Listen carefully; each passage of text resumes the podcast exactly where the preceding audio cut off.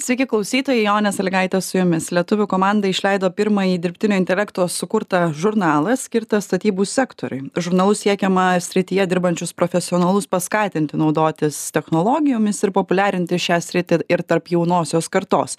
Tai kaipgi kilo pati idėja jį kurti, kokie iššūkiai aplankė ir kuo išskirtinis tas žurnalas, apie tai ir papasakos statybos ir architektūros žurnalo direktorė Mintarė Palevičiūtė. Sveiki. Sveiki. Tai tiek klausytojams, na, kas tai per žurnalas, kaip čia reikėtų suprasti jį? Na, tai pirmasis pasaulyje žurnalas statybų sektorija, kurį sukūrėme naudojantis dirbtiniu intelektu. Tai turbūt, jeigu aiškiau, tai visos nuotraukos, vaizdai kurie yra žurnale yra sugeneruoti su midjourney programa o tekstai parašyti kartu su chatgpt kalbų modeliu kaip sugalvojot apskritai na priėjot tokios idėjos kad reikia tą e, žurnalą kurti būtent pasitelkiant dirbtinį intelektą Na, tai matote, atėjo tas visas dirbtinio intelekto bumas, ar ne? Ir pastebėjome kad aktyviai visi jį naudoja vi visokius konkursus rengia vi visokias programas bando integruoti ir panašiai. Ir mes pagalvojom kaip mums irgi įšokti čia ir ką mes galime sukurti. Ir kadangi esame na portalas naujienų ar ne ir siekiame kalbėti apie netolimą ateitį, apie dabartį ir panašiai, pagalvojame, kasgi dabar geriausiai galėtų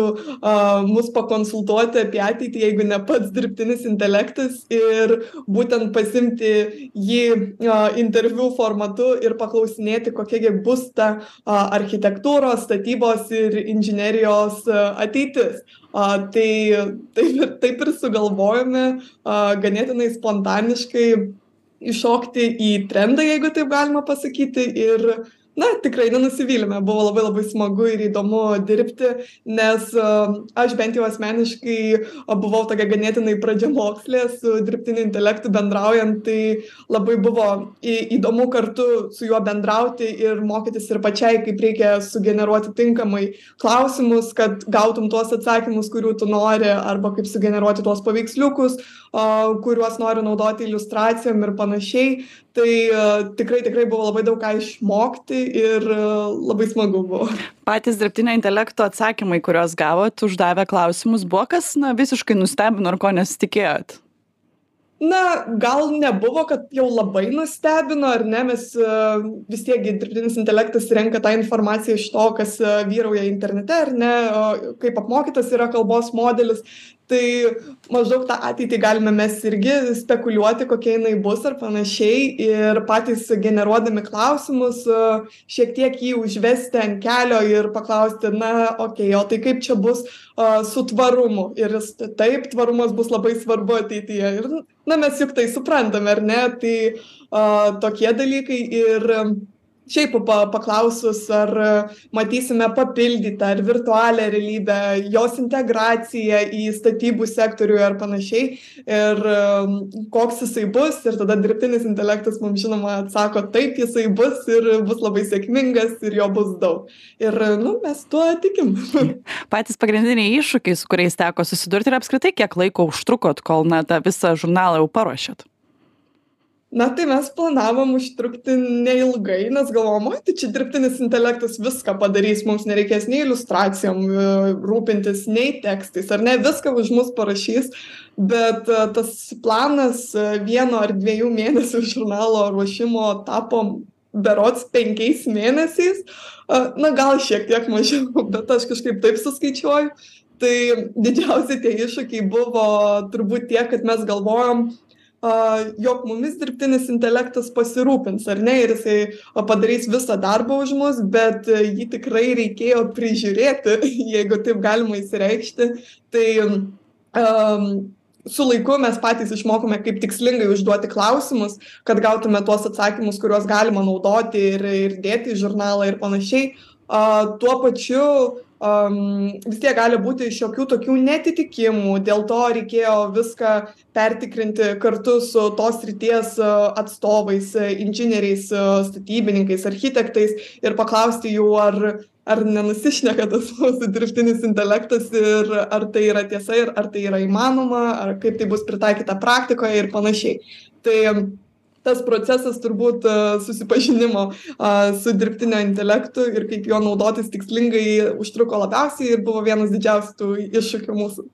O pats ChatGPT, įdomu irgi, koks procesas buvo su juo, ar jūs, na, tos klausimus uždavinėjote angliškai ir po to bandėt išsiversti, ar iš karto naudojate, naudojate lietuviškus klausimus ir po to kažkaip redagavot tuos atsakymus, kaip čia viskas vyko, nes veikiausiai čia irgi tų iššūkių turėjo būti nemažai taip tai tų iššūkių tikrai buvo. Mes e, žurnalą parengėme dviejomis kalbomis. Tai žurnalą galima skaityti nemokamai internete a tiek anglų kalba tiek lietuvių kalba.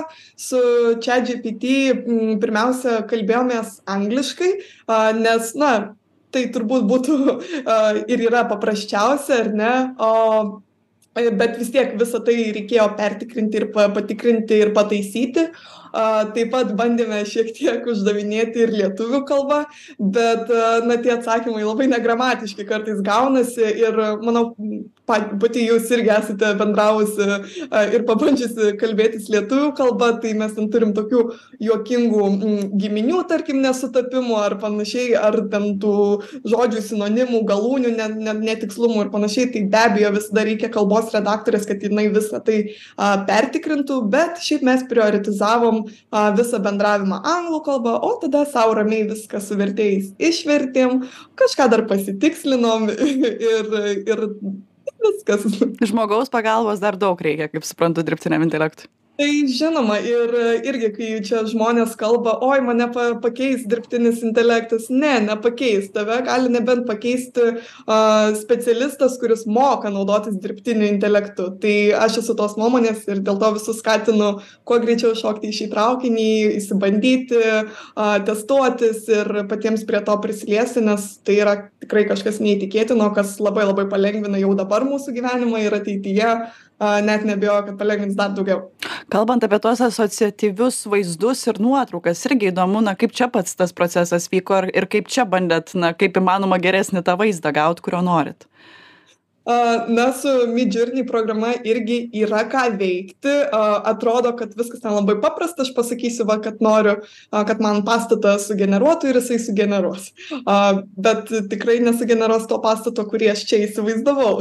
Tai am irgi ten tų vadinamų užklausų mokymasis kaip jas tikslingai rašyti irgi buvo daug guglinimo kokie ten tips and triks yra ir panašiai tai mm, turbūt svarbiausia ką pastebėjom kad reikia labai konkrečiai suformuluoti tą užduotį kad tu gautum tą vaizdinį kurio tu nori.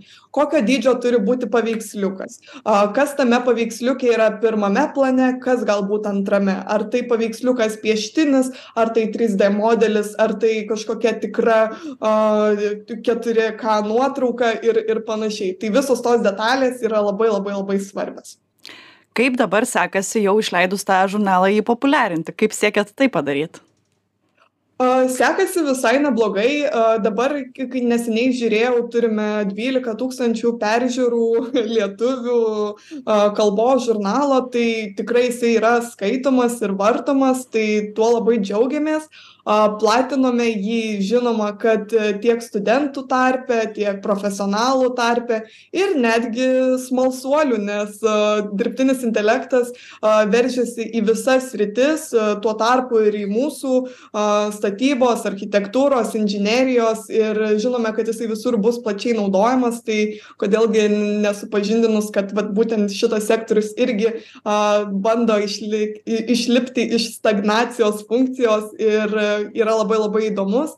Am viena iš žurnalo idėjų išleidimo to dirbtinio intelekto prisilietimo ir panašiai irgi yra a ta kad mes norime pritraukti jaunimą rengti rinktis būtent inžinerijos studijas statybų architektūros a kurioje irgi labai labai daug kūrybos ir dirbtinis intelektas čia gali labai padėti jūs užsiminėt kad dviem kalbom yra e, na tas žurnalas yra ir anglų kalba.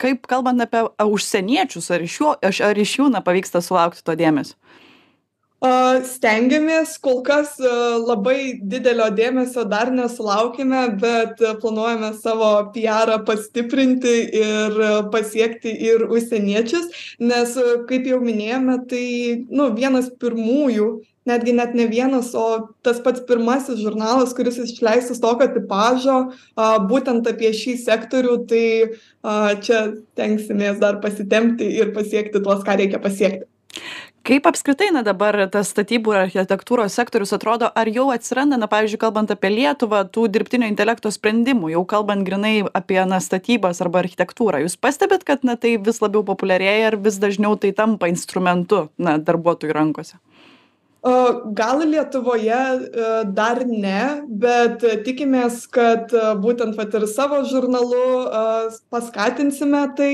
Tai labiau gal matoma užsienyje bet tikimės kad visa tai ateis greitu metu ir į lietuvą ir būtent mūsų netgi ir žurnalas tas pats net neabejojam kad bus naudingas vat penkiais metais į priekį ir jis vis dar bus aktualus ir jį bus galima vartyti ir rinktis tą informaciją kokios gi tos naujovės bus kaip jos atrodys ir ir ir panašiai.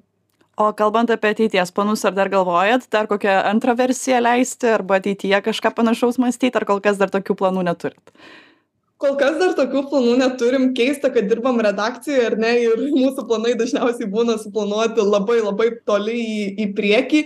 E bet kaip ir šitas žurnalas jisai taip ganėtinai spontaniškai atsirado tai gal vėl kažkas tokio panašaus atsiras. Arba jeigu išgirsim iš skaitytojų kad a na yra poreikis tokiam žurnalui antram leidiniui gal yra kažkokių a temų nagrinėjimas kurio ku kuriose jie būtų suinteresuoti pasidomėti daugiau bet nenori atlikti to juodo darbo ir susirašinėti ir tvarkyti tą visą tekstą o nori jau gražiai tiesiog nugulusi visą perskaityti tai mes tikrai dėl savo skaitytojų jį atliktumėm ir mielai išleistumėm dar dar vieną žurnalą. A galbūt netgi kelių kalbų ta prasme lie lietuvių anglų ispanų portugalų.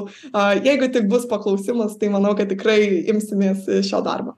Visi klausytojai dabar kurie susidomėjo ir labai norėtų pasižiūrėt kaip tas žurnalas atrodo tai kur tiksliai jį būtų galima rasti?